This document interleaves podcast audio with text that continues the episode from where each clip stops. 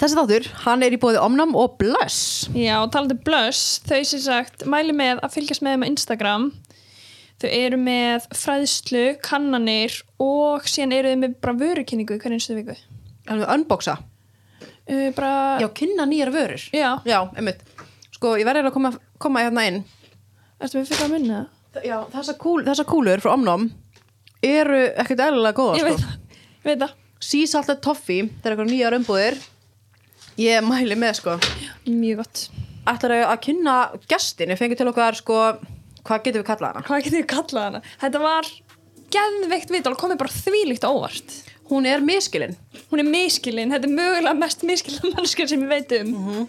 hún var frábær, hún er bara hún er Svona- tónlistamæður mm Hún er svona boss bitch. Hún er nefnilega boss bitch. Ég held hún er í lag sem heitir boss bitch. Jaha, Ég máli, held það, eitthvað þannig, boss. Já, ég fíla það. Bara lýsir henni bara algjörlega. Algjörlega sko. Já, hún var þvílík negla Ógæslega sæt, ógæslega Já. skemmtilega, ógæslega fyndin. Og já, má bjóða þær að kynna næsta gest? Yes, ég kynni til leiks. Sögu B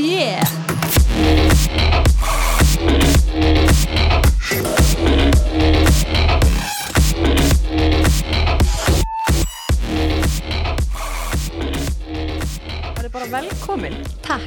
Þarna fyrir það sem þekkja ekki, þá endilega hérna máttu bara segja fullt nafn Já, þetta er Berglind Saga Bjarnadóttir. Um, gengur til artistnafninu Saga B. sem er bara, já, fyrir Bjarnadóttir Já, Saga. Já. það eru bara ekki margir sem vita að þú heitir Berglind Nei, nei, kannski ekki. nei, stendur á einsta Nei, ég var áður með Berglind Saga B. Já, sem ok. minnst að Ég breytti bara því ég gáði fyrsta lagið mitt. Ok, Í júli í fyrra.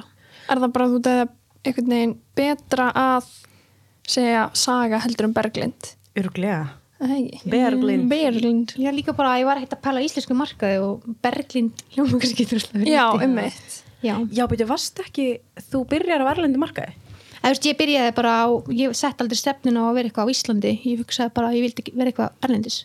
Ok, og fyrir þá sem þekk, vitað ekki þá ertu tónlistakona Já, Ég held að flesti vitið það nú kannski þú byrjaðir hvað 2020, er það ekki? jú, í fyrra. já, Ha? Já, Byrjar bara í fyrra? já, gátt fyrsta mitt í júli. What? Hvað Droppaði lag? svo, það er To Be Real, það var svona poplag, Ok, svolítið væmið. býtu hvernig hérna byrjaður, þú bjóst samt í Íslandi ekki? Já, Og þú varst bara eitthvað hérna, þú vildi svona hafa til erlendar, erlendra markaðar já, Ok, þannig öll lögin eru á ennsku eða ekki? jú, Býtu, er það bara búin að vera að skrifa í mörg ár áður eða? Nei, ég hef alltaf verið bara útrúlega að fljóta, pikka upp texta og semja og ég manni fyrst, ég fór ekki með að rappa allir kringlunni, ég var 12 ára eða eitthvað. Rappa allir kringlunni. En, já, en þú veist, ég hef alltaf verið bara útrúlega kreatív og sem sem ég sé kannski bara með ykkur í London og við erum eitthvað upp á hótelherbyggjus og allir býi bara til eitthvað lag fyrir ykkur, bara eitthvað þú veist, upp á fönni, þetta hefur alltaf verið ég. ok, Ég hef bara gaman aldrei verið að, já, aldrei verið að Nei, nei. Nei, ég það, ég var alltaf inn í þessu kultúr, ég átti alltaf neina vini sem voru eitthvað í tónlist. Nei, ok, og varstu svo bara einn daginn átt bara, herri, ég ætla bara að láta vaða. Sko, já, hugmyndi kom kannski fyrst upp fyrir þrem árum, þá gáðu nokkrar vinkunum mínu út lag, en við, veist, hugmyndi var kannski fyrst að ég og tvær myndum gera það en svo gerðu þær það með annari og þá svona sá ég, ok, þar fundið sér prodúser svo bara sami lag, svo tekið upp og svo gáðu það út. Easy, Emitt þannig ég fór bara að leita prodúser sem var mjög erfitt, það var engin að svara mér. Ég held að ég hef sendt á svona ég veit ekki hvað marga, alltaf bara sínuð Og er, það? já. Ok. Svo endanum þá bara, já nokkvæmlega svo endanum þá, þá fann ég eitt góðan. Mm Og ertu, ertu bara Google, bara Producer Iceland, eitthvað? Nei, ég skoða bara Insta, ég sá þennan á Insta. Ok, Já, fór bara að skoða, ég fór eiginlega reynda bara að leita hjá öðrum tónlistafólki sem þið voru að taka aðra í produced by og eitthvað svona. Mm. en svo, eftir ég gátt fyrsta lagi mitt þá fór ég bara og fann mér erlenda prodúsera. Já, ok.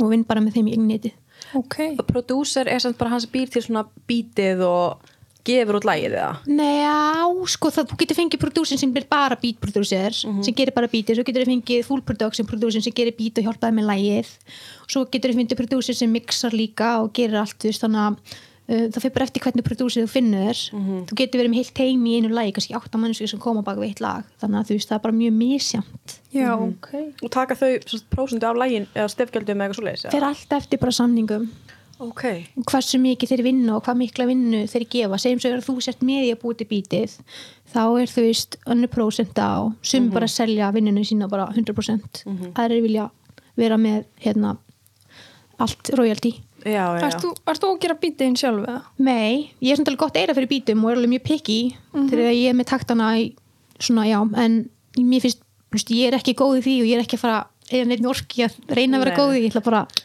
finna það sem er bestur í sínu Ok, en þannig að þú segum bara texta og lætur prodúsarinn fá og þeir svona í sammenningu finnið út svona þetta er mjög misjamt, ég til dæmis kunna ekkert að skrifa lag. Mhm. ég þurfti alveg að hérna ráða þú veist, eins og fyrsti, fyrsti brútur sem ég vann í Íslandi, hann er Bómas, Berki Ómas Mm. þú veist, við pikkum fyrsta lagi mitt mjög hratt upp saman og ég var búin að skrifa, ég var með einhver ljóð í símanum og sem ég skoðaði og eitthvað, eitthvað, frá einhver gömlu langtíma samband eitthvað líka og eitthvað bara svona sem við pikkum bara upp úr og lagið það var bara mjög fljótt til. Og svo í setni lögunum mínum eins og sem bara húst með Derry, ég veit ekki hvað ég var lengi að semja það og svo fyrsta hugmyndin, hún var bara komin til eitthvað allt annað og svo reyði ég bara eitt strák sem að hérna gerði Viping, mm -hmm. þriðja lagið mitt með mér. Og hann fór yfir lagið og sagði bara þetta mikið engar sens þetta þarf að vera meira fyndnara og þá endaði við bara með að gera bara, bara heilt djók þetta, þetta er bara djók frá toppi til táar. Þetta er bara alltaf að vera fyndið náttúrulega. Og bara hilarious lag er það? að heiti hús með Derry Er það djók? Er það djók? þetta er allt djók, þetta er allt bara fyndið Þetta er, já, mér, Ok, þetta er fyndið. skemmtilegt. En á er sama, já. sama tíma er það svona, svona catchy, sko. Já. en þú veist, þá er ég að tala um sko textin sjálfur, þetta kallast punchlines sem því það að þetta er svona clever fyndið en ógislega svona wow Já. þú veist, þannig að það er veist, um, I make a real man screw I deal when he sk- svo er hérna I need a þú veist, já, þetta, þetta er, þetta er ógislega þetta er fyndið, ef þú fattar húmurinn að baka við lögum mín, þú ertu bara eitthvað Já. þú veist, það er það sem ég finnst svo gaman að ég elska að skemmta ég elska að gera bara svona væp í herbygginu þannig að mm veist, ég þarf að láta það endur spyrlast í, í, í tónlistinu minni Mm fyndið komst það það. gaman. Já, út af því að ég, fyrsta skil sem ég heyrði það, þá var ég bara svona, djúvill er þetta fucking fyndið. Og, en sama tíma vor, var ég svona að heyra það út fyrir mig, er fólk var bara svona, er henni alvara, er hún að grínast, mér er alveg að vera að gefa út þessu tónlist. Já, algjörlega. En mér, ég er ekki where's my Já, þú veist, en eins og Baby Harda þegar ég, þegar ég fann þessa línu, ég hló svo mikið ég kapnaði, svo ég bara eitthvað svo það geti geggjað. Og svo sendi ég þetta á tvo og þeir bara eitthvað þú veist, váka mér finnst það gaman því einhvern veginn Hjælt en það væri bara fúlasta alvari í sem texta. Váka mér skáin að heyra og þetta það er svo margir sem halda það og Já. ég er alltaf bara eitthvað en þetta er ekki, veist, það var einn ég hlustuði þann daginn um podcasta sem var einn hérna, tónlistakonni á Íslandi sem var eitthvað, já, ég held fyrst að hún var með eitthvað djók og, og þú veist, hún var að tala vel um mig. En hérna, þá var ég bara eitthvað, en þetta er djók en þetta er samt alvara, en þetta er samt djók Já, þetta er húmor. Þannig að þú veist, já, þetta er, þetta er hardir er ekki komið, já, Ég var Já. alveg komin um þetta í svona pakka bara hvað, ætlum sé með issues hvað, hvað er það líka. en, þú veist, en mér, ég, mitt megin mánu mínu textum bara var úkslega fyndin. Mér svo WAP hún er bara ekkert eitthvað wet as pussy eða hlustu á textan bucket in a mop. Þetta er úkslega fyndið. Þetta er svona kultið í svona tónlist úti að vera úkslega fyndið með fyndin punchlines eins og Batman slinging that wood svona hafi ekki heitt hana? Hann kemur be Obama cause I be Robin Já, já, já, já, á. TikTok, þú veist, þegar hlusta á textana be slinging that wood and you be chopping. Þú veist, ég er að henda timburinu og þú ert að choppa þú veist, þetta er bara punchlines. Þannig að, og maðurinn sem að vann með mér í þessu lægi þú veist, ég var með textan og sagði bara hvað, þú veist, þrjóum að byggja upp lægið þá var bara, þetta er ekki nóg fyndið við þurfum að gera eitthvað aðeins fyndnara, ok, svo fundum við eitthvað fyndnara og það endaði bara mér að vera hilarious. Svo kemur hann að, þú veist, smá kall í læginu sem er smá mér svona djúpt dirty and soaking wet on the bed ni, ni, ni, veist, það kemur svona og byggir upp fyrir endan þegar allt í einu segi ég you sex me is like blur. You make me moan and purr, I'll be sure to trim my fur so you can go ahead and stir.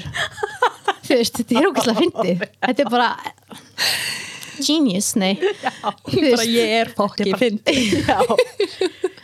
um mig. það er eitthvað að reyna að vera sexy að segja eitthvað svona sko, gott að hræra eftir að búin að, klippa feldin Píkuhárin þá. Já. Já. já, já, já. Þetta er enda drullu gott. Og Já. sko, þú ert alveg með drullu mörg views, nei, hérna, listens á þetta. já, Þetta er alveg 50.000 blues. já, hann er botleservice Já, bara flest lögin. já, já, en á Spotify Já. já, Ertu með þetta líka á YouTube? já, ég er með YouTube. Ég er með tón, tónlistamindband við Can't Tell Me Nothing Já. sem ég tók upp á síma minn. Nei, það? Já, ég var svo pyrri á production tíminu og svo lengi ég var búin að vera þannig ég bara keitti mig gimbal á síman og bara Nei. let's go. Ok. Tekur það þarna hendur. það er myndbandur sem úr á hann að mótuhjólunni Já, ég tók tvo tíma og bara í Reykjavík bara var ekkert planað, nema mótjólu mamma þar endar ég var búin Já, að segja henni, ok. ég þurfti að vera á því og svo, svo, svo, svo greiði mamma. Já, ég held að mér þetta ítalska. Svo greiði mamma, ég ekki mamma aftur með myndina fram og hún bara eitthvað í mótjólu gæla bara Berglind, ég nenni þess ekki Byrði, var hún, ég nefnilega sá að þú ert í bílnum. Það var eitthvað hann fyrir aftan, speiklaði svolítið. Já, það var, var kerti vinkurum mínar, Nú. greiðin sko.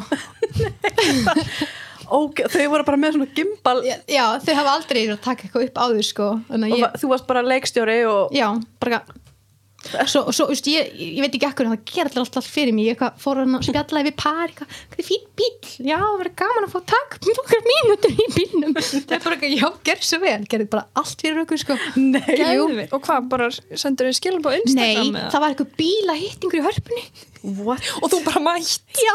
Bíladagar á Akureyri nema bara í hörpunni. Já, og þú veist, ég býn allan í bæ þannig að þetta var þannig, ég fór í outfit svo hljópi bara heim í nýjátt outfit þegar ég var búin að taka upp einhverju senu og yfirleitt náðu við ekki meir en þreja myndum að taka upp hverju senu þannig að ég var svo fein að það var eitthvað myndir til að nota. Eitthvað einu sem ég var að klippa var bara eitthvað þú ert alltaf að reyfa þig eitthvað skrítið og eitthvað, hvað ert ekki minnir mér í myndbrot? Ég held ég að senda hann sko sex mínútur af myndbroti til að myndbandi Shit. Ha, ég reyði eitthvað hérna indveri á Fiverr Já. Til að klippa? Það Já, svo var það rauka mig 20 skatt fyrir því enda með að borga um 20 skatt auka því vorkindan svo mikið. Sendur hann þetta bara bara bara airdrop bara? Nei, já, nánast, þú getur ráðið hvert sem er á Fiverr, þú veist, eða vantar markasetningar, klippingu eða bara hvað sem er, sa sama hvað þú veist, þú getur með þess að fengið sko Oracle kardur í þarna ok, Já, þannig að, þannig að ég, þú veist, nota Fiverr alveg í alls konar. Þannig að, já, Og þá er fólk bara með profile Já, þú getur sett í bara til dæmis sem Edda Falag, ég ætla að gera þetta og gera þér út, það, þetta er bara verktaka síða. Já, já, já. Er Platt. þetta- Já, Það kom hann á íslensk síða sem að gerði, Ari Benna gerði um plattin, já, já, já. svona svipuðu formi, en Ok. samt ekki að þessu leveli, en þú getur fundið alltaf milli hímis og jarðar. Og hann, þessi indveri var bara með hérna Ég er klippari Já, búin að vera að klippa fyrir BBC og bara hérna, Animal Planet og eitthvað. Þú varst bara let's go Ég, mér fannst það bara mjög flott efni og ég hugsaði, hann, ef einhver geti gert þetta flott, þá var það hann. já. og líka bara hérna er 20 skall auka Já, grei, Ísland er náttúrulega miklu dýrur og hann að 20 skall fyrir svona miklu. Já. Hann, hann, hann, var, að- hann var að samvinskupita mig, sko. Nú það var erfitt að synga því að sko, ég var ekki minn en að græjir með mér þegar ég var að taka upp ég var bara lipsynga í haustum Nei. Það var ekki planað þannig að hann var ekki minn að tónlist að lipsynga textna tók þetta svo langan tíma. Já, ok ég er svakaleg sko. Býtu þurfti hann þá bara að taka tónlistina? Og lesa að hvað Hvað þú varst að segja? Já. Oh my god, kom þetta vel út? Um, þetta er alltaf, þetta er bara fyrsta mymbandi mitt skiljiði, þú veist, ég hugsaði já. bara að hendi þessu út og læra. Mhm. og ég meina, ég hugsaði að botl, ég, eins og þegar ég gerði núna botliservice, ég, ég, ég sagði svona, "Ah, hvernig var performancing, svona 7 7,5, ég bara, ok, næstur eða 10 þú veist, þetta, ég bara Mhm. að læra, ég var að byrja. Það getur ekki verið fullkomum, auðvitað er ykkur fyrir að gera grína mér. Go ahead, þá bara talið mér um það, því- þú veist, það, það er Já. allt í góð já, En um, ég hugsa sko þegar ég sá Bottle Service þá var ég svona, já ok, þetta er alveg full production. Já, já. Var þetta ekki alveg, eða þú veist, þetta var alveg svona, svona dæmi í kringum þetta. Ég, Það var þetta, var, þetta var mjög svipað nema það að ég reyði gauðra sem að áttu geggja myndavilar og kunna Já, klippa. þetta var ekki á iPhone. Nei, og hérna nokkarlega, og við tókum upp í sex rúm. Mhm. hérna sinninar sem voru hana í með, með hérna Láru sem að var mótilið Já, og það var alveg 8 tíma tökur, við ætlum að vera í klukkutíma hana, já, og þetta var bara reikvilinn og já, oh god, það var svo heitan svo var ég búin að vera að hælum allan tíman í rúminu og gera allt og svo sást ekki einu sinni hælanir nei. Ég var bara, þú líka einmitt ert með eitthvað svona utanum svona handjátn og já. Var þetta í sexrúminu? Já, og ég var í hælum og hjekk hérna í hálftíma alveg að deyja og svo sjást ekki hælarnir sko daginn eftir þegar við tókum upp hérna í klubnum þá hún gæti ekki dansað, ég var búin í löpunum eftir allar tökunar hinu megin Nei. ég var svo svegt að það sást ekki hæluna það voru hælandi þetta er ekki djók sko, við hælum í Nei. 8 tíma eitthvað Hverju voru eftir í myndbandinu? Þú fegst alveg, var ekki hérna Bassi Mirage og eitthvað félagar? Nei, Nei, hann, því ég fór hann í Gíslamartein Já, Óvart. óvart. eða veist, það var bara svona einn dag fyrir en já, hérna það var sem sagt, ég og Lára Mhm. mótil frá Ítalíu og við vorum inn í sexrum og svo fórum við, ég, hún og einn frænka mér sem heitir Sandra og við vorum á klubnum og svo hérna uh, production teimið sem að er sem sagt uh, direktor assistant henni til Daniel per, hérna, Daniel og hann er Daniel Há, hann er kallaður business, hann er sjálfur artisti og rappari Hmm. hann er frá Miami slash Spáni hólst upp í Miami frá Spáni og strákun sem að tók upp og er sem sagt production hérna útgáfaðalinn hann heitir Lamello og er líka rappari hann var ekki út lag með henni hann að Sun City Já, já. Já, ok. já, En myndið þú alveg segja að þú væri rappari? sko Ertu ekki svona Cardi B? Cardi B, þú veist. Já, Vissi hún ekkert lík Cardi B sko, ekkert með stíl hennar en hún minnst geggjuð Já. en hérna, jú ég, ég er rappari Já, já. þú veist, en ég syng svakalega ég get nána sungið óperu sko en ég get sungið í svona örgulega 20 mismundi stílum Já, ok. Varst að að læra söng? nei. Ok. en ég hins vegar ég er með vocal, vocal coach hann í oktobri fyrra, hann er búin að vinna með Chris Brown og bara Ha? Snoop Dogg um daginn. Byrju, hvar fannstu hann? uh, gegnum prodúsirinn sem er að vinna með, með mér í bottle service og hann ger líka kentil mín að þing hann, hann hérna, því ég eftir að ég fekk fyrst útgáðum mín á bottle service og bara eitthvað, oi, ég heyri reymin í gegn þetta ógi og senda hann í mér alveg bara "Ey, ég, er ómöguleg ég veist þetta ríkalegt og hann eitthvað, ok, hérna ég skal bara húka þér upp með prins og hann hérna hann, hann, hann, hann, hann getur tekið upp á næsta þrep þannig ég er búin að vinna með honum Ok. Sem svona vokal. já, ég hafði aldrei eins og kunnað hita upp sko Já, ok. Og er þetta bara nýtt lífið það? Já, röddinn bara alltaf þess að beitinni og líka bara, viðst, ef maður er ekki að anda að fá súrefni, Já. þá er maður miklu andstýttri þannig að allt sem ég tekið upp nú þegar versus það sem maður mun vera setna það er sko bara heimin og haf Ok. Ok, og ertu byrjuð að semja fleiri lög og... sko, akkurat núna þá er ég með svona nokkur verkefni sem ég er að byggja upp mér langar, langar ókslega mikið að gefa út EP núna, Hvað er það? EP þá er það svona smáskífa svona Já. 46 lög Já. Ok. svona já, kannski, þú veist, já, kemur ljós en ég ætla alltaf ekki að flýta mér neitt mikið eins og með EP með beng, hérna, hérna, hérna Bengisátt, hún var til á sko einum og hálfu mánuði Er það lítill tími?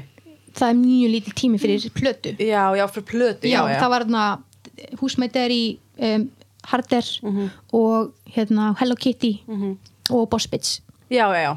þú veist, ég bara allt í hérna, ég ætlaði að gefa út eitt lag svo fekk ég eitthvað geggju bít og ég bara gef bara plötu svo bara var ég bara eitthvað, þú veist, það gerðist bara svona Og er maður að fá borga fyrir? Þú ert að fá borga, eða ekki, ekki Spotify?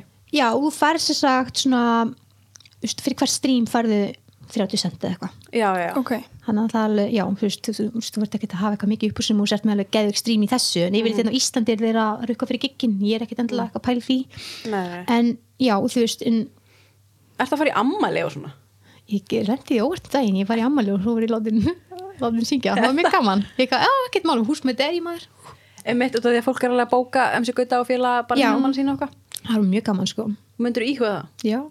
Já. það sko það? ég er að fara að útskritt sumar. Já. Verði bandi. já, ekki ok, það vá. skal búið til rapplaði mig Já. Geðveikt.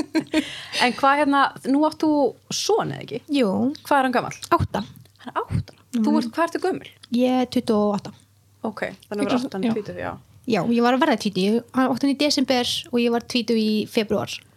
Ok. Já, og ok. Er hérna, hann er 100% íslenskur, það ekki? Nei, Nei. hann er alveg vel blandaður. Já, er það ekki? Mér myndi það eitthvað. Já, pappan sér sagt Portugali, en hann er halvu Portugal og halvu Indveri. Ok. Hann, hann er sko, uh, veist, hann, er, hann er alveg eins og ég, en hann er samt með hans lit. Ok, og hvar Já. kynnist þið? Uh, við vorum að vinna saman á tapasbarnum. Það var eitt af þeir með vinnunum mínum þegar ég var 17. Svo var ég át, já, ég var 9 ára átján þegar við byrjum að dita. Og ég varst í þrejum vinnum. Já, ég flytta heim á 17, sko. Já, Já, ok. Og ertu búið með einhverja mentun? Ég var að læra bifilörkjun. Já. Í alvöru? Já, Hörsku tól. Já, ég sko stoppaði, ég var búin grundild og stoppaði þú veist, þegar ég var ólétt og svo flutti ég til Núrex og þegar ég kom tilbaka þá var Lili einsás og þá fór ég og kláraði en ég kláraði ekki einu lótun sem því það að ég ætti einu önn eftir til þess að vera útskrifa bauðlörki. Já, er það Borgó? Já, Já. Ok, þannig að þú er aður unnið sem bifjölverki. nei, ég sótt um vinnur út um allt, það bara reyði mig ekki. Hæ?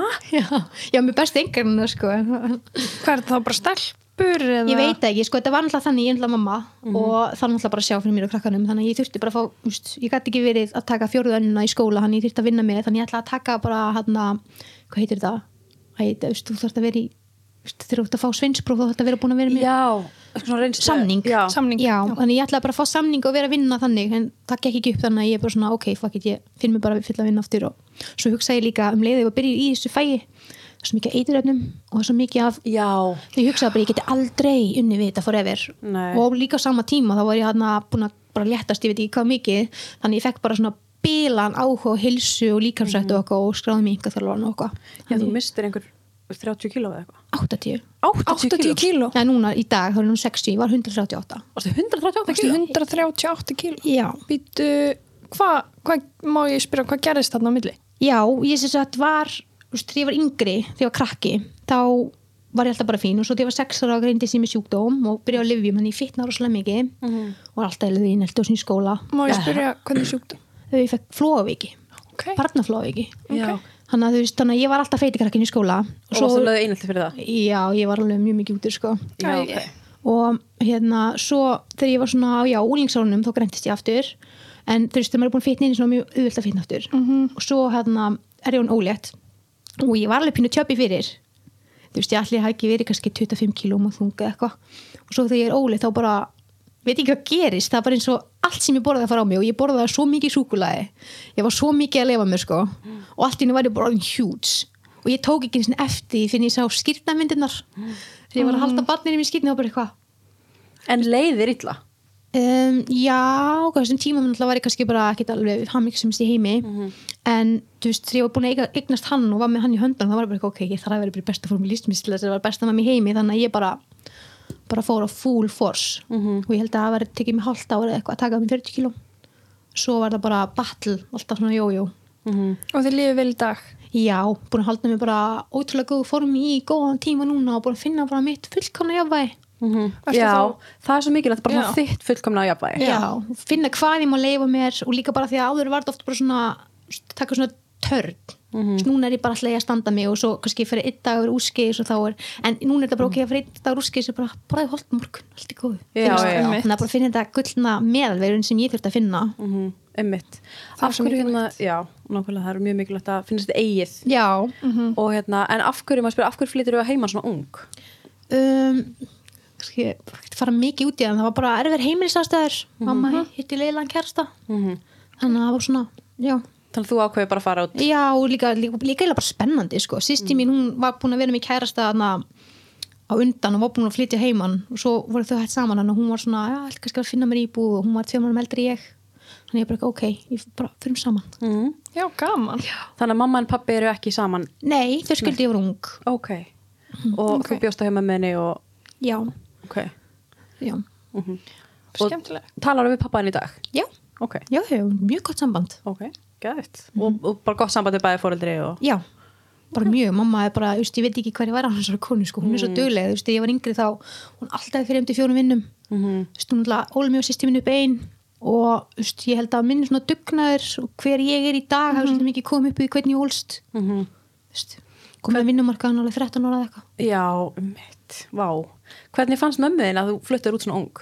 Hlýtur að vera svona smá erfitt þegar að Já, hún sem veit alveg hvað ég var sjálfstæði, Mhm. þannig að hún var, ski, og hún, hún var svona alveg svona með annan puttan heima, alltaf komið með mat og eitthvað. Já, já, já sko. Ertu yngst? E, já, við erum bara tvær. Já, þeir eru bara tvær Já, sýsti mín er tveim árum eldri. Og ég man, ég mitt fluttu út fyrst skipti tvítug og þetta var erfitt fyrir mömmu, sko Já, Mhm.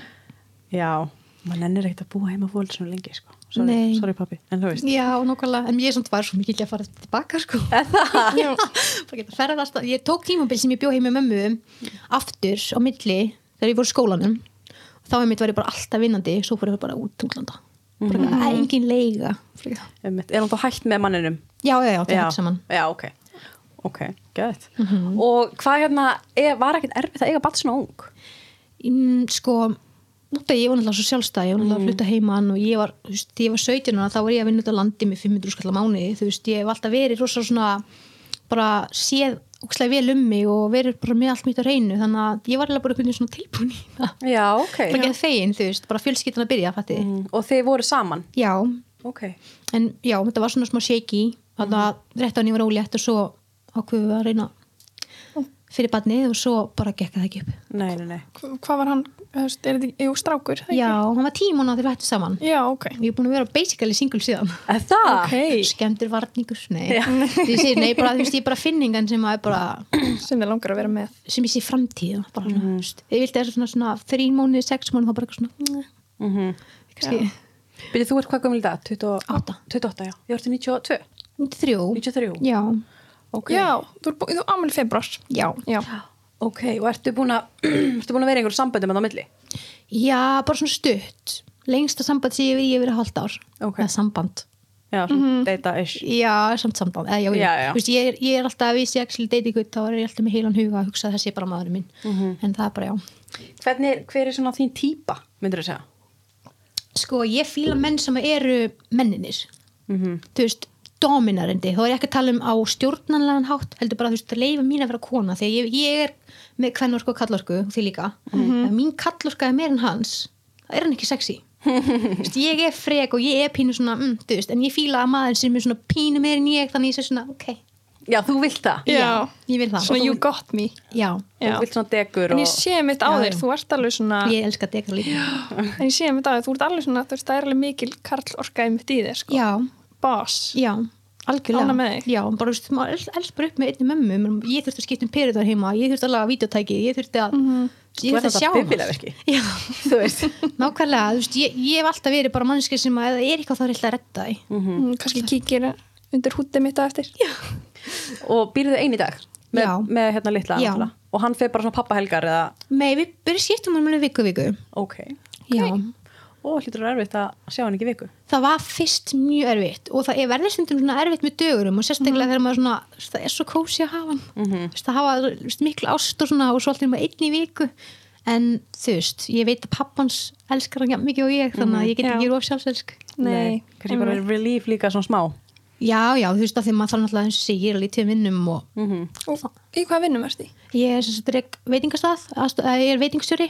Svo er ég auka vinnu sem svona í liðvislu og svo hef ég oft tekið að mig visslur þjóna og alls konar, ég minnst að tekja að mig flutnistrif sko, bara eða sem money, þá, ger ég það Ok, bara allir að ráða þig Nei, þú veist, ég, hundra ekkert endilega um tíma en þú veist, já, ég er bara ég, ég er bara þannig eins og með tónlistina ég, ég ætla ekki að segja ykkur hvað ég er búin að vera ekstra gigga til þess að, Eða það? já, Hvernig þá? Bara bara eins og segja, bara, þú veist, ef, ef það er flutnistrif eitthvað, bara whatever, ég ger það bara, þú veist, mm. sexu skall á tímanum mínum Erstu góð að þrýfa það?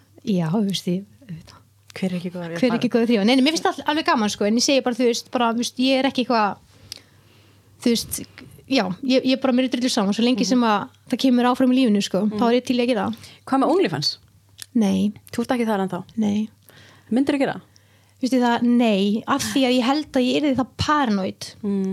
en ég held ég myndi gera það ef ég komið kannski miljón fylgjendur eða eitthvað og bara vera með þá svona bak við tjöldin Mm content, en líka þetta er ótrúlega mikið vinna, þetta er tímafrækt, þetta er business þetta er ekkit, þú veist áður en það, allars umræðu komum um daginn að þetta væri líka erfitt á business, þá var ég gera mig grein fyrir því, þetta er ekki eitthvað bara þú fær bara setja myndir að þetta inn og vera ríkur að þetta er alveg Sérstaklega þú talar um eins og þau voru að taka upp vídeo eða þú helst að vera klukkutíma en enda í áttatími Ég held að þetta sé svolítið með svona já, finnur réttu senurnar og svona, þetta er alveg, þetta er svaka mikið vinna og líka bara, þú veist, þetta er ekki breytið sem ég er, ég, ég elska að skemmt og skapa og svona, þú veist, jú, þetta er auðvitað óslega gaman líka að vera eitthvað sexy og taka myndir en þú veist, mér langar frekar að vera hinni breytinni -hmm. en ég ætla bara að fókusa á hana. Mm og um þú veist, sérstaklega þú ætlar að gefa út fleiri lög og já, náttúrulega en, en hlustar hérna, hvað heitir listræðurinn? Bergþór, Bergþór. Hlustar Bergþór á tónlistina þína? hann sko fer oft á YouTube og okkur svona, ég er ekkert að reyna til að lefa um að heyra sko. Nei, en hann fær, fær að heyra Tubi Real, hann elskar það og Can't Tell Me Nothing en, hérna, en ég hef aldrei spilað fyrir hann Bottleserus eitthvað en hann reyndar að elska nokkur lög sem eru mjög svona ennsk hip-hop lög sem hann ætti ekki að hlusta á sko. Já.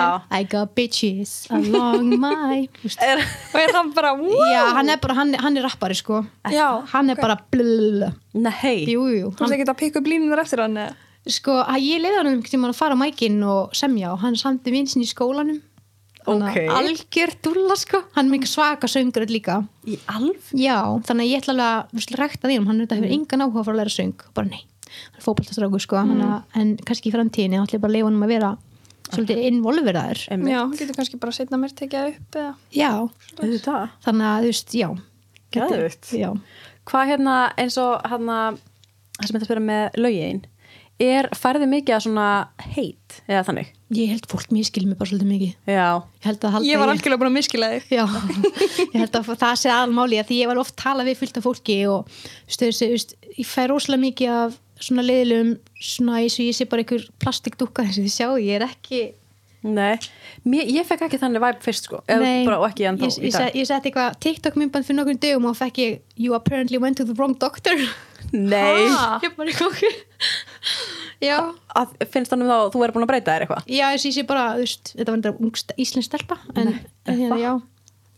Og hún sagði að skrifa hann dansku Já, hún skrifaði ennsku, svo fór ég inn á hana þá var þetta íslensk stelpa en já, þú veist, jú, ég fæ alveg heit en ég held að það sé og ég segja að fólk miskiljum og halda að ég sé bara eitthvað uh, dæmi, eða þú Já. veist. Já, uh, eða bara, þú veist, ég veit ekki þú veist, ég veit ekki hverju fólk miskiljum mig en þú veist, allir sem hitta mig elska mig alltaf og er bara eitthvað, oh my god, þú ert yndisleg. Mm ég veit. Já, ég er bara sammála. Ég held að fólk svona það að þetta er alveg svona öðruvísi og er svolítið out there fólk Já. verður svolítið svona bara finnst óþægilegt þegar einhver er bara fully confident. Já, það er óþægilegt að horfa það ég var ekki sem eru- þarna, alls ekki. Nei. ég var manneski sem slappaði með veggjum eins og segi, ég var alveg í einhaldi Mhm.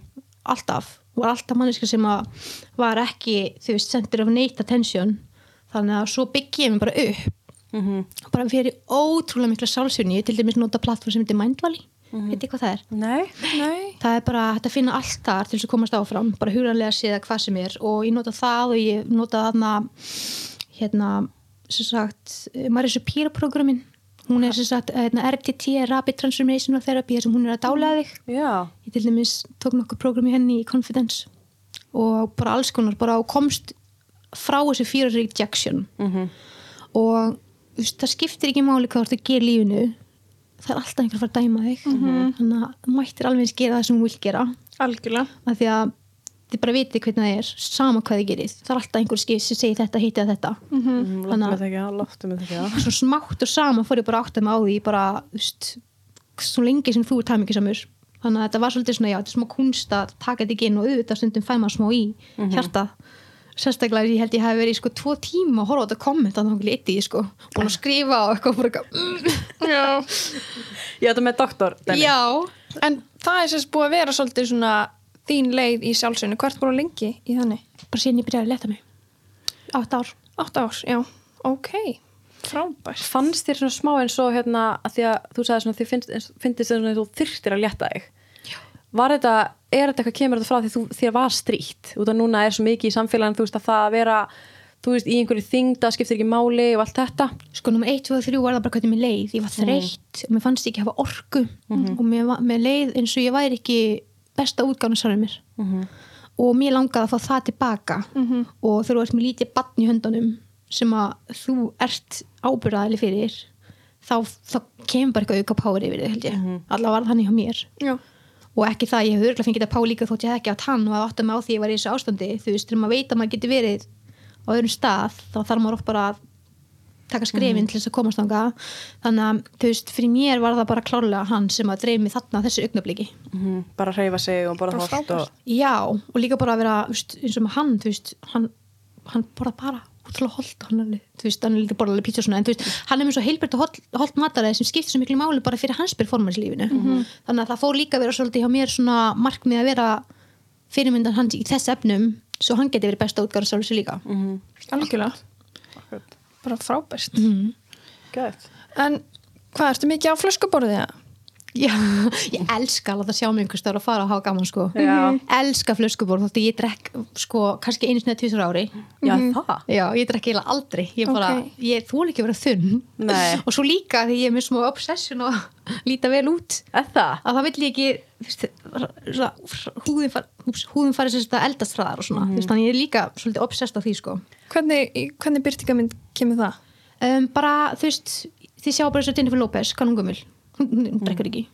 Þú veist, ég fór bara að hugsa um svona aðri sem að líta Vel út. bara, já, er á því stíði sem ég vil vera og hver þeir að gera sem ég geti gert. Þannig ég fór til dæmis að stúdira það.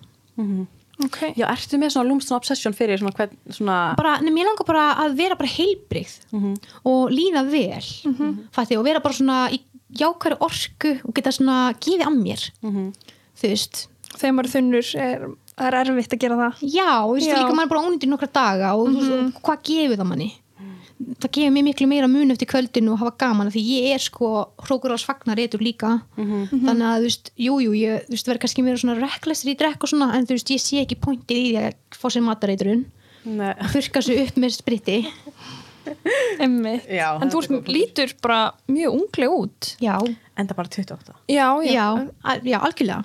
Bara, þú veist, bara 28 En ertu, þú ert ekki búin að fara og láta laga eitthvað? Nei, ég, er- ég er náttúrulega, ok, ég grætti sem 80 kíló. Ég fór í sundagerð. Ok. ok, Bara þá var svo mikil húð eftir. Sko já, ég beigði sex ár. Ég held að húðum myndi einhvern veginn fara tilbaka og hún gerði það alveg vel en það þurfti samt að taka 2,5 kíló af húð. Ok. Það er mjög mikið. Þannig að ég var alltaf með hvað kallar maður, ég ætla ekki að líta illa en þetta kallast tussubimba sem að hangi svona hérna. En ég var alltaf með svona bungu hérna. Þannig að það sem þetta gerði og þetta var bara lit mig líða ógæslega illa því ég sat alls staðar því ég var alltaf með, þótt ég var í þessu formi þá var ég alltaf með Húð. Já, bara svona, svona mikla húðina niðri. Þannig að ég fór fyrir einu og hálfu ári síðan í þá að gera og þá breytti lífinu mínu. Aha. ég var sko, vá, ég fór að grenja þegar ég sá Ég meina það hlýtur að vera það hlýtur að vera auðvitað bara að vera með auka húð. Já, algjörlega. Og þú veist, þið sjá hvað er mikið kíló líka. Ég var alltaf með rosalega stór brjóst. Og þegar ég var unglingur þá var ég alltaf með hjúlsbrjóst og svo þegar ég var búin að eiga þá voru brjóstum voru hérna. Og þegar ég letti svona alltaf voru þau bara hér. Þannig að ég lifta þeim líka og endurbyggja þau. Þannig að ég er líka búin að gera það. Það er eina. Já, auðvitað, náttúrulega þú eignast svo bann já, og þá stakka brjóstin ennþá meira. Já. og mægin var alltaf var hérna þú veist, ég, það fólk held sko ég var kvalur þegar ég var ólétt, ég var alltaf búin að fitna um þessi kíló og var ólétt. Þannig að ég var bara þá hlýtur maður hlýtur að fá í bakið. Já, já, þú veist, en veist, til dæmis í aðgerðinni þegar ég leitt laga hérna, veist, í, í sundaginn þá saum hann magun aftur saman. Það breytti öllu með bakverkinu mína. Já, það. Ok, frábær. og hvað, ertu bara í ræktinni eða? Já, ég við sem alls, neinum ofðum, ég sé enda að farið í crossfit og svona og ég er auðvitað æfið yfir mig þar, þú veist, ég hef alltaf verið bara svona ef ég byrja einhver þá verð ég alltaf að fara all the way. Sama hvað það er, ég er svakaleg sko, þannig að þú veist keppniskapið já, það er bara svona, já, bara svona ef ég ger eitthvað þá þeir alltaf að gera það bara 100% eða 110 eða leggur þið bara mjög vel fram Já, þannig að þú veist þessi ég tók einhver þjóra réttindin og svona bara að læra. Og já, bara elska að reyfa mig mér finnst ekkert skemmtilegur en heldur en maður er búin að reyfa sig og maður, maður er svo léttur á því og orkan svo há því þekki þetta. Maður er að færa svona ekstra glow. Já, já, og líður líður líka bara vel. Já, algjörlega sko. Algjörlega. Hvað hérna, ertu ekki að vinna á, hvað heitir hérna, eldsmiðin? Jú, Og ertu, ertu þar, þú veist bara svona 84 já, semi. Ok, þar ertu veitingastjóri? Jú, en ég er samt að fara að skipta núna þetta er svakalega orkufrekt sko. Er það? Já, að reyka svona veitingastæmin og það eru starfsfólk að ringi í 24-7 Já, bara að breyta vöktum og Já, alls, alls konar bara. Þannig að, en já, ég sé að búin að vera þarna núna í ár og svona komið tími til að breyta til. Ok, Og hvað er svona framöndan? kemur ljós. Ég, ert ekkert svona ábúin ákveða. Ég er með auka vinnuna sem sagt í sagt hérna leifislinni þá er ég sem sagt að já, svona það er svona í heilbriðsviðinu Já, sjáum, þetta er hérna svona aðstofkona já, Já, fyrir fólk sem getur kannski ekki séð um sér sjálft eða svo já en hérna, já, þannig að þú veist það er alveg næ sko, en ég langar náttúrulega bara að einbytta mig sem mest á tónlistinni. Ertu að vinna með liðvislu er þetta bara einhverjum tímar á dag sem þú hittir einstaklingin eða hvernig? Hann- 24 tíma vaktir. 24 tíma vaktir? Já, nú, ok, þá Sefurðu bara, bara- í búsetu? Uh, ég sé mér, þetta er náttúrulega svolítið trúnamál já, Já. má kannski ekki ræða þetta neitt frekar. En þetta eru langa vaktir sem er alveg næs upp á vaktir þú veist, ég geti tekið þrjáta í vinnunni versus, já, já, einmitt Þú klárar þetta bara já, svona. þannig að þið sjáu að þú veist, það er öðru sér með tekjurnar. Þú veist, þú getur vinn unni minna og gert meira. Ok, það, er, það er svona sem ég er að leitast í núna að finna og líka bara minka ábyrð þú veist, Já, hitt er svo mikið áriði líka. Já, mér, mér finnst ég ekki geta verið bara 100% besta mamma í heimi að reyka veitingastað og verið í auka vinnum og eitthvað svona dæmi, þannig að þú veist ég já, líka en já, þú veist, svona minn hann er svo sagt, já, hann að vera í Ísaskóla fór ára undan í skóla. Ok, þannig að hann ára eftir þar svo get ég flutt þangað sem okkur langar. Já, já. Hvar býrðu núna? ég búi hérna nýja hverfinu í 102 fyrir neðan perluna. Já.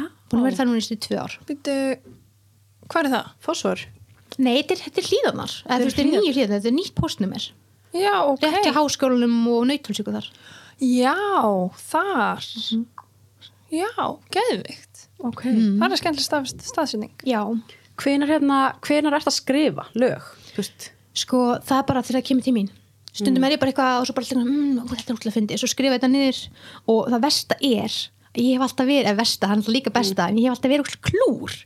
Bara, veist, Íslendingar reynir með klúran húmur svo blöss.is er finnst alltaf búin hérna. Það elskar alltaf stelpbrösta um einhver dilda veist, að ég fatti, það eru bara allir ókslega fyndnir og þú veist, ég fæ oft bara svona svo klúra texta, það er kannski líka kom bengis á ókslega klúrplatan, ég get hins vegar líka skrifa bara eitthvað, oh my heart að þú veist, þeir eru bara eitthvað alveg all in it í svona romantik, þannig að þú veist já, þegar það kemur til mín þá oft koma bara einhverju djókar í mig í hausinn sem ég skrifa og svo finn ég eitthvað pönslandi því og svo á ég bara sapna textum þegar ég fer svo og heyri eitthvað bít og alltaf semja Mhm. það er svona mitt, hvernig ég fyrir að þessu en svo það er rosalega misað hvað fólk gerir.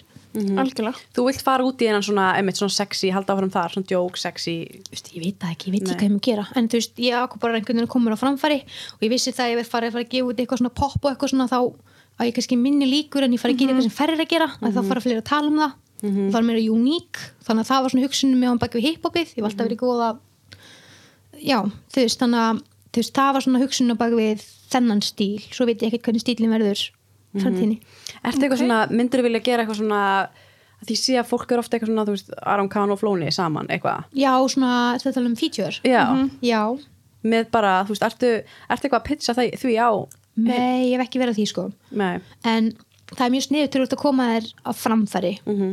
á markaðnum. En þú veist, ég er ekki að gefa nýtt út á íslensku Já, Já, mig alveg ekki, rétt, ég já. sé mikið fyrir mig gera það. Ekki. En, mynd, en myndur ekki vilja semja mitt á íslensku?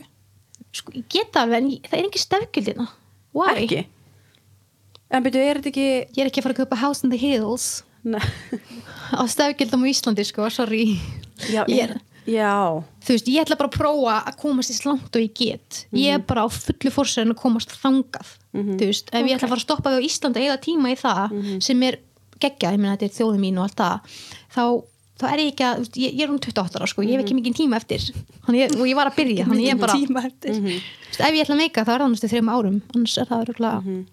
eru fylgjendiðinir svona mest erlendir blanda, ég var með kannski 3K fyrir Mhm. íslenskum og þú veist, ég var alltaf svona, þú veist, var alltaf einn að defa fann að dæmi áður, ég byrjaði tónlist þannig að defa fikunar Já. þannig að var, það var líka pínu að fylgjast með mér ekkert eitthvað mikið, Mhm. en svo 3K í fyrsta lagi mitt þá byrjaði ég að stúdira Instagram meira Mhm. þannig að þetta er bara vel blanda sko. af hverju voru djöfa að fylgjast með þér eða þú veist áður bara?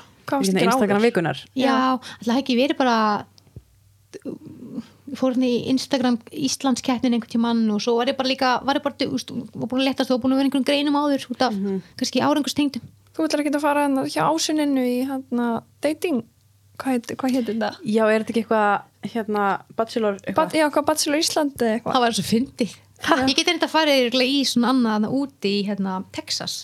Já, Bíddu, hvað er það? það er eitt- rappari sem að er vinu félagin minn sem er svona dating show þar sem hann er kallinn. En ég myndi samt ekki gera en ég myndi samt öruglega, ég veit ekki, það var alveg, mér finnst allt gaman sko. Ég er rosalega opun og ég, ég elska að prófa eitthvað nýtt og ég, það er ekki skemmtilega fyrir mér heldur en að fara inn í eitthvað part sem ég þekki ekki neitt eitthvað já, mér, finnst svo gaman að kynast nýju fólki, ég elska það. Ég er þetta að tengja sem það Er það. Farin í Elska. partí með fólk sem þekki ekki neitt. Já, bara vera bara svona, fara kannski bara að búa með einhverjum skilju já, fer bara með ykkur um einum í eitthvað partí sem þú þekkir ekki neitt. Svo ertu bara að eiga geðið góða samræður við fólk. Bara læra eitthvað nýtt, læra eitthvað nýtt elska. Það já, já, var nightmare sko. Já. Farin þess við já, láttu mig, frið ég er alveg bara, já, hvað segir þú? hvað já er þú? ég er nefnilega þannig, ég elska þetta sko. Já. þess vegna líka elska ég að ferðast og kynast bara einhverjum einhver starf mm -hmm. bara lenda bara í bara tengsleiti, bara búið að stækka og stækka og stækka. Ég er Ekki- bara skítrættum að maður, maður er bara rænt og maður er bara seldur í eitthvað heimurinn að fara til fjandan sko. Ég alveg tala já, aðja Ég tala ekki við ókunniða sko Hanna, já, við ættum kannski bara að skrá okkur hann í hann hjá ásuninu Býtu, Já. datingdóti til það. Hvernig er, þú veist, núna ertu ekki með svona, hérna, hvernig er tónlistaheimurinn á Íslandi? Þú veist, er ekki mikið einhver svona partíum og þú veist, maður er alltaf að heyra einhverja sögur. Mér er ekki búið Já, er það málið? nei, ég veit ekki, ég er ekki hugmynd, mér er alltaf ekki búið í þannig sko. Ok. Er það að tala um þá svona giggkvöld Já, er ekki tónlistaheimurinn á Íslandi alltaf eitthvað svona saman að sko, ég byrja alltaf tónlist í versta tíma Já, COVID í heimi, það er ég hef ekki hugmynd en áður þá veit ég að það voru svona kvöld á Paloma og Príkinu og jú, það voru svona í hinu jú, það er alveg svona menninga viðbyrðir mm -hmm. tíðir sko en ekkert sem ég er búin að heyra núna Nei, en fólk ok. hlustaði samt alveg meira á Spotify til dæmis í COVID heldur en ekki já, já, Já. já, já, já. tónlist, tónlist hefur klálega farið upp og líka bara production og svona já. Já, já, mér finnst alltaf eins og allir sem eru í tónlist ekki alltaf alla sem eru í tónlist og þetta sé eitthvað svona, þú veist. Það ég er ekki það heppin sko.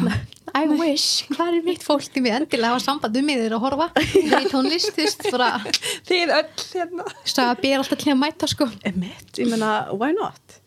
Ertu, þú veist, hver, hver er þinn svona inspiration í tónlist? Guð, hún kemur öllum áttum. Aha, þegar ég var yngri það elskaði ég eins og Enrico Iglesias og Já, Don ok. Omar munið þetta Yankee og þeim að Gasolina Já. þú veist ég Já. fór þangað ég fór í Tiesto ég var sko ég var búin um allt í pop, hip-hopi, R&B symfóníu, Mhm. hvað sem það var ég bara var út um allt. Þú veist ekki Jónsa í svarti fötum eða eitthvað svo leis Birgitta Haugdal er það jú, Ég reynda var ekki þar. Ég henni og Jóhannu Jónsa Já, já, emmitt Við erum náttúrulega 91, 92, 90, þú 93 já, Já, já, ok. Já, já, Hvað byrju, hvað sagði þú ég var í? 90 þú ert 96 Já, ég var, þú sagði 92 Já, þú veist, við erum með því svona sama svolítið, Já, sko. já, já. En, já, ok, en hver er svona núna, þú veist, íslenski tónlista, uppáhald svona íslenska tónlista kona kall? úf ég, nei, Já. tjók Guð, ég held að það sé Aron Kahn Já, elska Aron Já, Kahn nýja lægi með honum, flýga upp Já, ég, ég er bara alltaf geta hlusta á hann mm Mhm. -hmm. saman hvort sér leið eða glöð eða hvað og ég get hlusta á hann á repeat ég held að ég hef verið þrjú ári röð með hann sem nummer eitt það? Já. Ok. Hvað er uppáhaldstæðið með hann? sko það var að rúlla upp Mhm. ég held að núna segja ég flýg að það finnst bassin í læginu og bara takturinn vá Mm en ég var líka bara að djóka með þetta ég hana Já. þetta var, þetta, ég farið að Maður er skítrættir við Já, algjörlega. En hérna, fólk YouTube kommentakerfinu er búin að fara illa með mig allavega. Já, þú veist, maður má ekki gera neitt að segja neitt og það er alltaf bara já. Hann reynda að sagði, ég sagði ekki neitt. Já, það er samt sko, það, þetta er samt svo mikil miskilningu 90% af fólkinu drull og elskar okkur en þessi 10% sem er ekki sama þeir láta heyri sér. Einmitt. Þannig að við, við, við nefnilega ekki gleyma því að þeir gleyma bara að rósa okkur. Þeir vera að muna að rósa Já, það verður að muna rosa já, En er þú ert líka á TikTok, ekki? ég var eitthvað að byrja því að prodúsið minn úti, hann er eitthvað Já. Tik- TikTok að því stundum, já, hann, hann er að segja þú veist að maður, eins og bara Lil Nas mm veit ekki hvað það er? Já, Montero, já, hann kom sér að framfara TikTok. Já. Hann er líka drullu flottur og, og svona artistik mm -hmm. ég geti þetta alltaf maður bara að æfa sig og líka, ég man sko, ég prófaði TikTok fyrir áðurinn fór ekki úr tónlist og ég gerði eitthvað svona smá rapp og eitthvað annað og það var gert svo mikið grína mér. Og ég eitti því og ætlaði aldrei ekki úr tónlist en ég var líka smá meira tjöppi sko. Maður gera það inn í dæmi og maður máil allt meira þegar maður er grannu sko Það er sorgleg staðrind Já. já mjög þannig að þá hugsaði ég, myndi aldrei fara aftur á TikTok. En núna er ég búin að prófa eitthvað smá, ég fekk þetta kommentana en þú veist, þetta er bara ekki sem maður þarf að vinni ég, er bara, þú veist, ég ætla bara að æfa mig. Kannski, Já. þú veist, bara setja út nóga miklu rusli og svo getur maður bara eitt í sinna Sko, það er enda styrlað að maður fær aldrei jafn mikið, eða þú veist, maður fær hefur hvað er hann að segja það? Maður er aldrei fengið jafn mikið á ógíslegum kommentum en á TikTok Já. sést ekki á Insta. Man, við erum með TikTok-reikning fyrir eiginkonur og fólk er bara að sko freda öllu sem það getur hann inn, bara þetta ekki. ógeð. Ég vorkinni þeim svo mikið, það akkur þú krakkar að hugsa svona? Þetta eru líka bara krakkar. Þetta eru bara, já, mjög ungi krakkar en það er bara allt sagt. Já. Ógeðslegt, ég var bara í áfalli sko. Einhver, ég var gömul fyrir TikTok. Er? Ég er búin að fyrir komplex, er ég orðin gömul? Nei, Síðan, að ég fatti þú veist, Þú að náða svo gömul fyrir hennar miðl sagði einhver? Já, þetta var greinilega fake account og ég hugsaði þetta er eitthvað sem, þú veist En ég eiti bara kommentur og bara, ok. Já. Svo í tvo daga var eitthvað, er ég var fórstu- fóru hausuna þér? Þetta, já, þetta fer en hægt og rólega en eins og þú veist, ég mann þegar ég hérna, talaði með dýrprodúsirinn minn úti sem hann er búin að vinna minn ekki minna svo bara fullt á stórliði og ég sagði við hann bara svona, þú veist, já hann sagði við mig að það skipti ekki máli hversu stór stjarnar það er, það er engin immún fyrir þessum heit kommentum allir sem lesa þetta, sama hverju það ert í heiminum sem áttu Beyoncé þú veist, ef þú lest ömulegt komment um þig þá fer það inn á því smá stund en svo lengi sem þú veist hvernig þú díla við það og hvernig þú hleypur, hleypur því svo bara út af því að þetta fólk hefur aldrei kredit.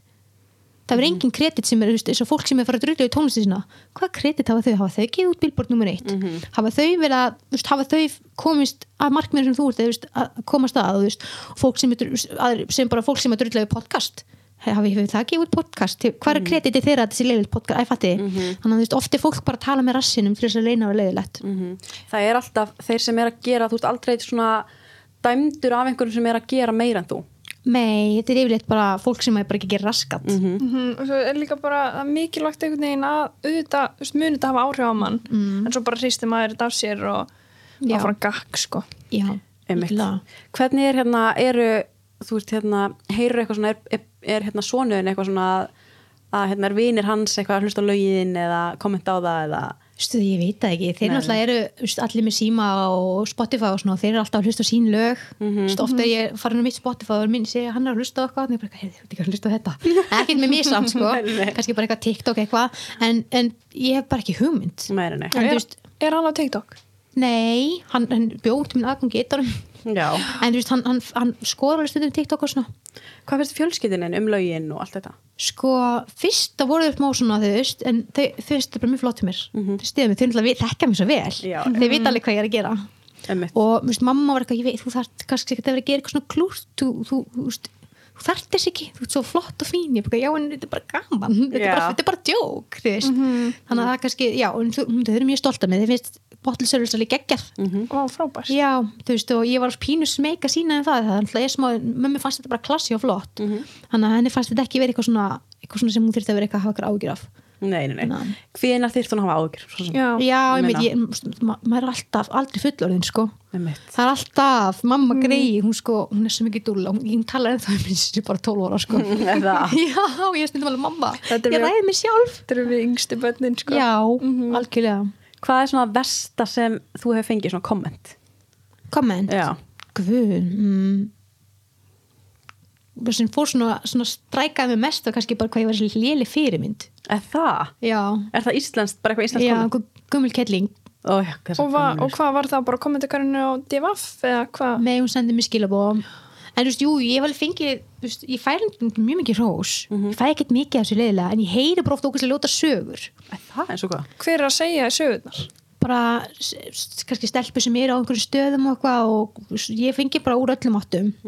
Og þú veist, það er bara svona svona hvernig fólk getur brosað í andlitið að þér. Og þóst vera bara að, þú veist, bara er bara vinkunaðinn en eru svo bara drulla yfir út í hotni Já, já. til að láta það lítið illa út. En þetta er oft svona þeir eru kannski bara orðin ákveðlega góður í einhver eftir á leiðinni kannski áfram. Þá vil fólk láta þig lítið út lút til þess að, þú veist, ég fatt ekki ennþá þetta fylgjóðsef þegar fólk segir þetta um mig bara, ok, er þetta þannig? Þú veist, ég, ég skil þetta ekki að því ég myndi aldrei hugsa svona, en það er oft bara svona þeir vilja kannski bara skemma fyrir sem ég veit ekki, ég, ég skil ekki enn hugsunahátt og ég, ég er ekki ennþá ennþá sammálendilega er satt, en þetta er það sem þið segja. Ég held að það sé alveg, fólk er, fólk er svona ógnað og vill ekki sjá aðra ganga vel. Já, Þetta er já. eitthvað svona issue hjá fólki, sko. Já, eða líka bara einmitt, þú veist, líður bara sjálf ekki vel með, þú veist, sig já. og þurfi einhvern veginn að traðka á einhverjum öðrum sem er svo, er svo við erum öll gorgeous, Mhm. við erum öll svo flott Nei, þú veist, maður ánáttúrulega bara, er þetta vinkona eða vinum að segja saman hver það er, þá maður alltaf þetta bara að vera klappstýran á hliðalínunni já, já, já, algjörlega En hvað er, það, hvað er þetta fólk að segja?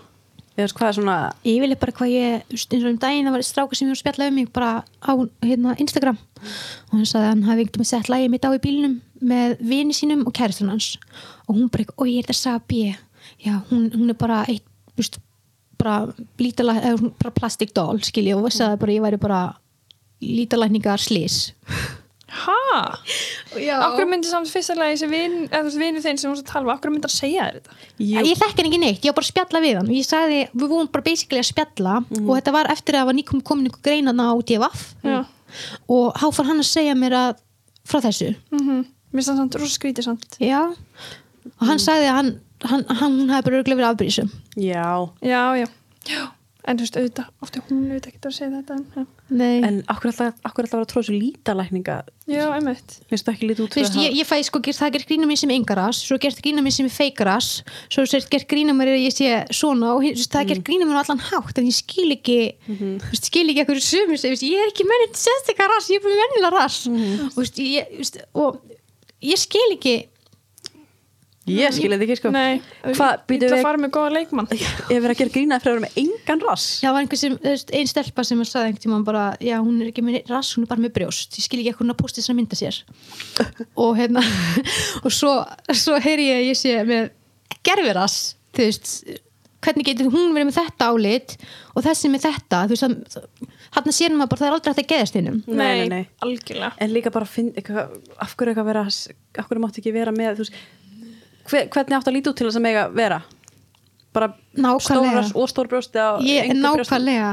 Nákvæmlega sem hugsa, má ekki bara vera eins og ég er þú veist, ég, ég var að posta mynda mér svolítið síðan sem mynd kom, þá var ég bara ég var stolt slítóra mínum, hérna posta þessi mynd þú veist, og þegar maður tekur mynd hérna þá vilt fókusast á brjóstin, svo vitið að þau tekja mynd nýr þá fókusast á rassin, þannig að þú tekur hérna ertum við lítið brjóst og stór rass, hérna ertum við stór brjóst og lítið rass. Þú veist, þetta er ekkert eitthvað ég var ekkert að fókusa á brjóstin á mig skiljið, en þú veist, hún er bara með brjóst og hún er ekki nýr rass, hvað hún að posta þessi mynd að sér? Þú veist, fólk er mikið savage. Má ég ekki bara posta myndinni? Post, var hún kommenta á þetta bara? Nei, stelpan, ég veit ekki hvort ég voru að fylgja með þarna það var eitthvað svaka, svaka drama. Það var þessi stelpa sem var vinkonu mín sem átti vinkonu sem hitti okkur einhvern veginn einu sinni. Svo fór þær að rífast og fór hinn að segja mig hvað hinn var að segja og hinn að segja mig hvað hinn var að segja. Þetta er eitthvað fyrir lungu en þú veist, þá var ég bara eitthvað Úf, ég fekk bara ég veit að þetta skiptir einhver máli en þarna var ég bara eitthvað. Sko, emitt en þetta er allavega, já, veist, fólk, fólk, fólk leifir einhverjum að vera og þetta er líka bara svona sem sem þú bara posti fallega myndir þér á kærastunni þeir alltaf posta myndir að sér þeir eru grunleika áhuga mikið sem það er alltaf einhver að segja eitthvað fattu mm -hmm. þetta, þetta, er bara því miður fólk í dag. Því miður? Já, nefnilega. En núna ertu samt, ertu ekki þetta var meira neikvætt, er þetta ekki svolítið farið í svona jú, mér finnst pínu Mhm. pínu, pínu, en þú veist ég, þú veist, ég, ég fekk ekki endilega þú veist, mikið neikvæðu, en Meira maður heyrði bara svona. Mhm. en þú veist, vonandi fyrir fólk bara að sjá að ég er duðlega flott pía sem er bara að gera mér besta og er ekkert eitthvað að reyna að stuða einhvern og eitthvað. Og þú veist, textarinn mínir eru smá til að stuða. Já, en bara þú veist gaman. já, Já. Veist, eins og Montero-lægið þegar Lil Nas, lesi textan þetta er bara, þú veist að put, fill up your ass in Hawaii. Þú veist, akkur má hann það en ekki ég? Já, mitt akkur má Cardi B en ekki ég? Akkur geta allir tala um hvað Cardi B geggju en akkur má Saga Biggi vera geggjuð?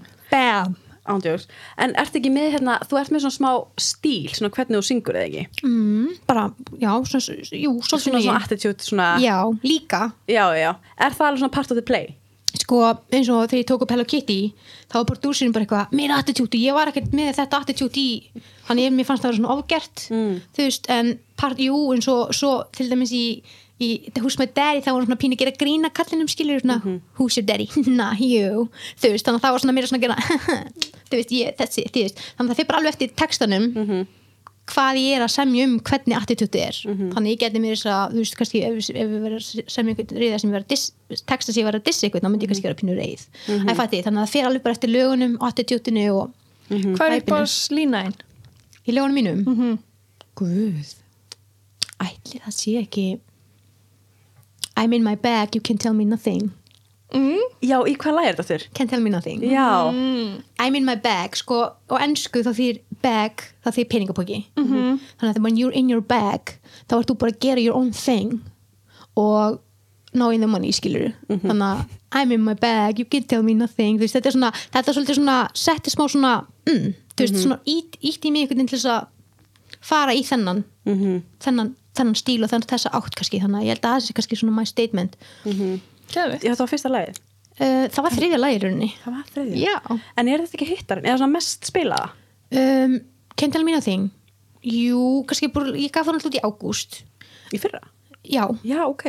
Þannig að veist, ég, ég veit það ekki. Jú, þú veist, mér fannst það alveg geggjað en þú veist, uh, vókallinn ég hef aldrei þjálfað með röddin aður og ég fór ég hittaði ekki upp röddinni ég tók upp og ég tók þetta upp sko í þrem tökum bara heilar tökur.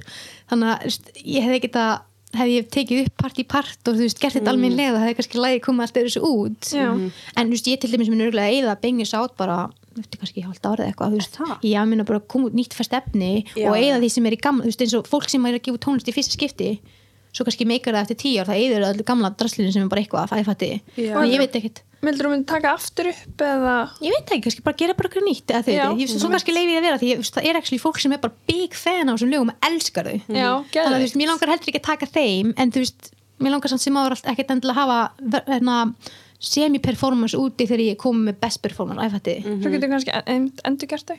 Gæti gert það Mhm. þú veist, það er alls konar sem ég, ég sé alltaf öllu núna þegar maður er búin að læra meira og æfa sig. Eru, er þetta svona þitt fanbase er það erlend, bæði, það er bara blanda Já. alveg. Ok, og mest stelpur sem er að hlusta á það? Með bæði. Það er bæði, já, er svona aldurshópurinn sem er að hlusta á það? Sko, samkvæmt Spotify það er það mjög bara, veist, bara bara út um allt, ég minnst sé sko 60 plus ok, En já, þú veist, þannig að það meiri svolítið sko, ég held sér með sko 17% sko 32 til 40 eitthvað. Og það er svona sá stæðist á milli 25 og 30 eitthvað. En það er alveg bara mjög breytt. Ok. Áhugavert. Mér finnst þetta alveg svona, ég hugsaði fyrst sko þegar ég, hugsa, þegar ég sá lögin, ég var bara svona, þetta er alveg svona catchy sko. já, Ég nefnilega er sko ótrúlega góð í að finna eitthvað catchy. Og þú veist veit ekki hvað er en þú veist ég líka bara veit hvað er cool og hvað er eða, þú veist, en reyndar, reyndar þá er ég alveg þarf ég alveg að þjálfa mig stundum á melodíum þú veist, þú þarft að gera melodían í Hello Kitty er ekkert spes en beatið er hellað þú veist, þannig að það gerir lagi fyrir mér. Þannig að Eru hérna, eru vinkuna hennar alveg svona þetta og það er allir bara í kringu þig? mm, Ekki? ekkert eitthvað, nei. Það var alltaf ekki þannig, þú veist, en ég er mjög lítinn hóp í kringum mig. Mm. þú veist, ég maður þekkir náttúrulega ógrunna fólki. En þú veist, það er mjög lítill hópur sem að er eitthvað close. Já, eða það? já, ég er bara búin að brenna svo mikið. Bara eins og þú veist, þessar stelpur sem ég talaði um á þú veist, hún er alveg að vera, þú veist, æfætti þannig ég hef oft bara lendi í svona kannski, ef ég sé ekki ekki veist en, en ég á góðan og fámennan hóp sem er mjög close og þau Já. peppa mig alveg það er líka bara betra að fá að Já. góða heldur en en ég myndi segja ágæta. be your biggest supporter þegar getur enginn supporta þeir eins og þú Nei.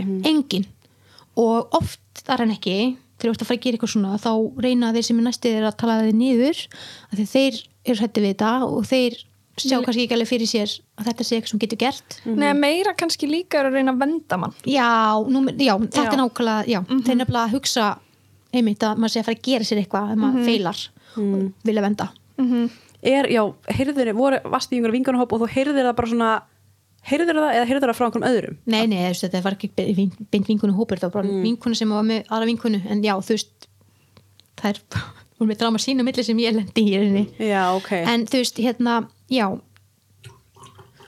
Ég veit ekki, ég er bara þú veist, já, þú veist, be your biggest supporter er alltaf bara mitt mótó, ég er svolítið að segja lengum, ég sagði einhverjum frá því að vissi enginn ég var að gera út lag, Já, það. það vissi enginn. Nei, ok, ég gerir sem náttúrulega fjölskylda, sko. Nei, þú bara, let's go. Já, ég bara gera þetta allt í leini Ok, það hefur ákveðið sjokk líka fyrir fólk. Eða svona. Ekki, já, það var alveg bara svona, já, ok, veist, hvað er hann að gera? Svo bara eitthvað, þú veist, ég manlega mamma var bara eitthvað, þú byrjir sko ekkert klúrt, það er bara loflag, mm -hmm. þvílít, catchy og bara geggja lag. Og hérna, mömmu fannst það alveg flott en hún vissi samt ekki hvað ég var að gera, mm -hmm. fatti Mhm. þannig að, þú veist, fólk bara svona átti sig á. Ok, hún Já. er að fara ekki úr tónlist og allir nýja bara einhver tónlistakona þú veist, mér finnst það alveg skrítið en fólk í kringum mér ennþá bara ok, þú veist. Mm Er lögin á FM og Flass og eitthvað svona? mei, ég, Þú sko vilt ekkert koma upp náttúrulega? Jú, það er bara erfitt að koma svo á framfæra í Íslandi þannig, Þú veist, ég var alveg með sambönd og eitthvað en það var ekkert spiluð. Já, það. Já, Já, ok. Það er, þú veist ég veit ekki hvernig, þú veist, hérna hvernig eða hvað, ég sendi allavega alla útastráð sér og heyrði í þeim og fór í viðtöl og, Já, ok. en ég ætla ekki að spilu Það er ekki spilið. Vonandi í framtíðinni. Já, þú alveg útastráð sko. Já. það var strákur sem sagði að en er þannig að ég segi bara framtíðin sko En maður hefur nú heyrt allan fjandan inn á þessum stöðum, þarna FM og þú veist, það er líka fullt af einhverju rusli að inn á, skilur við. Já, skilur við, þú veist, það er ekkert bara, það þarf ekkert að vera eitthvað ákveðið til þess að fara inn á. Nei, nei, ég veit ekki, þú veist, hvernig útarspilin er í Íslandi í dag, en það er, þú veist, maður, heyr- maður, maður, ég heyrði það að vera rosalega erfitt að koma svo fram fyrir Íslandi. Mm -hmm. Það er ekki verið heldur ekki að pæla í því og er ekki að pæla í því. Mm. Ég held að, að því mér finnst svo mikið svona væpi í kringum þín lög, eru svona smá svona, þú veist, þetta er svo svona catchy, að maður svona, alltaf þetta maður heyri, þá vill maður hlusta meira, við. Mm, maður þarf að hlusta aftur. Já, textanir eru svona, þú veist, maður er bara svona, hvað er að gerast í þessu lagi hérna, ég vil halda áfram að hlusta. Já. Það er lögin sem ég að vera í útarpinu. Já, algjörlega, við vorum með þetta besta okkur aðra hérna áðan ánum rétt ánum komst og hún bara hvað Já, þetta er svona skemmtilega, við. Mm Mhm, Man er ekkert alltaf að hlusta á, við, Jón Jónsson, eitthvað, þú veist, Nei, glaður hundur, við. nákvæmlega. Það er þetta frikið dór Æ, ég er veist. Já, Það eru bræðir stelpur. Það eru bræður. Fyrir mér er þetta bara Hún hafna fyrir því, ég segi það besta tónlistafólki. Já, Hún hafna fyrir því. er það málega? Já. Ég segi það, það eru mjög margir íski tónlistamenn sem kom fyrir hafna fyrir. Ert þú hann fyrir? Já. Já, Býtu, hvaða tónlistamennur er hafna fyrir? Jón Jónsson, Friki Dór, Jóhanna Guðrún. Mhm, Býtu, allt er, það er ykkur fleiri Það eru fullt. Já. Já, það er alveg mjög margir sko Ég er alltaf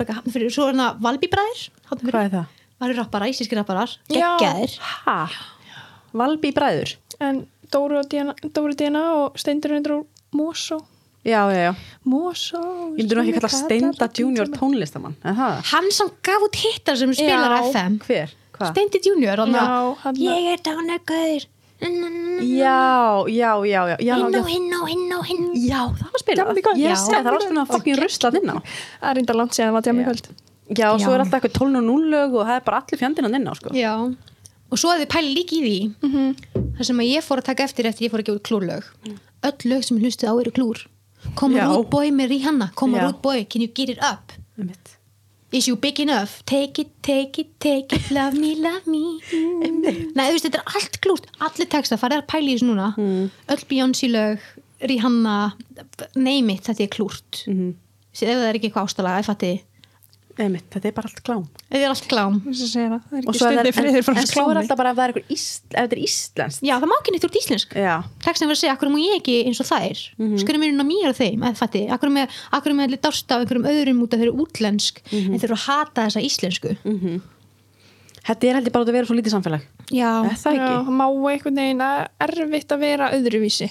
Veist, það er bara svona Þegar það farið smá út úr norminu.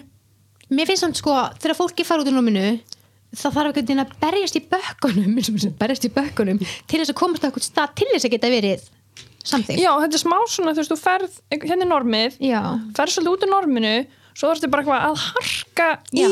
þeim ring til þess að geta svona, svo komast kannski þetta eru bara svona sáðfreymunar, það er bara einn sem kemst þannig út eða tveir Nákvæmlega, af því, af því að það er svo margir sem að stoppa á mann á leiðinni eða þú veist, Já. ekkert mér enda ég er all the way en ég ætla Já, bara jarðýta. fíla, Já. fíla þetta Það er bara þannig fólk sem eiga það. Já, það er einmitt það sem að þú veist, bara- ég held bara í þá trú að sama hvað það er sem þú ert að gera ef þú heldur áfram hættir ekki mm -hmm. bara sem er bara árangur þú veist, ef þú heldur áfram hættir ekki þá kemst það leiðarenda. Þú veist, það má alveg þetta á leiðinni og það má taka dítúra og það er, sko leiðin upp er alltaf svona þú veist, en svo lengi sem að fólk heldur consistency og lærir hvað það á að gera það er uppskrist að öllu mat það er alltaf eitthvað sík, stundum eru secret ingredients sem þú þarf að læra á leiðin líka en það er alltaf einhver eina aðferð til þess að gera eitthvað. Og þú getur gert á marga vegu. Einmitt. einmitt bara pældi, nú er kannski fólk að horfa á þetta eða hlusta á þetta og eru bara eitthvað hún mun kannski ekki komast allaveg en svo sjáum bara eftir svona eitt ár. Já. er það ekki? Ná, vonandi. Já. og svo hugsaði ég líka alltaf bara og hvað gerist ef, ef það gerist ekki? Þá reyndi ég mitt besta hvað, þú er það bara eitthvað ónýtur einstaklingur með einhvern stump eða, þú veist, þú veist, Já, það er ekki þannig. Þá bara, þá bara byrjar eitthvað annað. Þeir skora sem þóra nákvæmlega. Er það ekki bara? Mhm. Algjörlega sko, ég held að bara, hérna, bara aðeinslega að fá þig. Já, gaman að Bara- sjá ykkur. Já, Já, sömuleiðis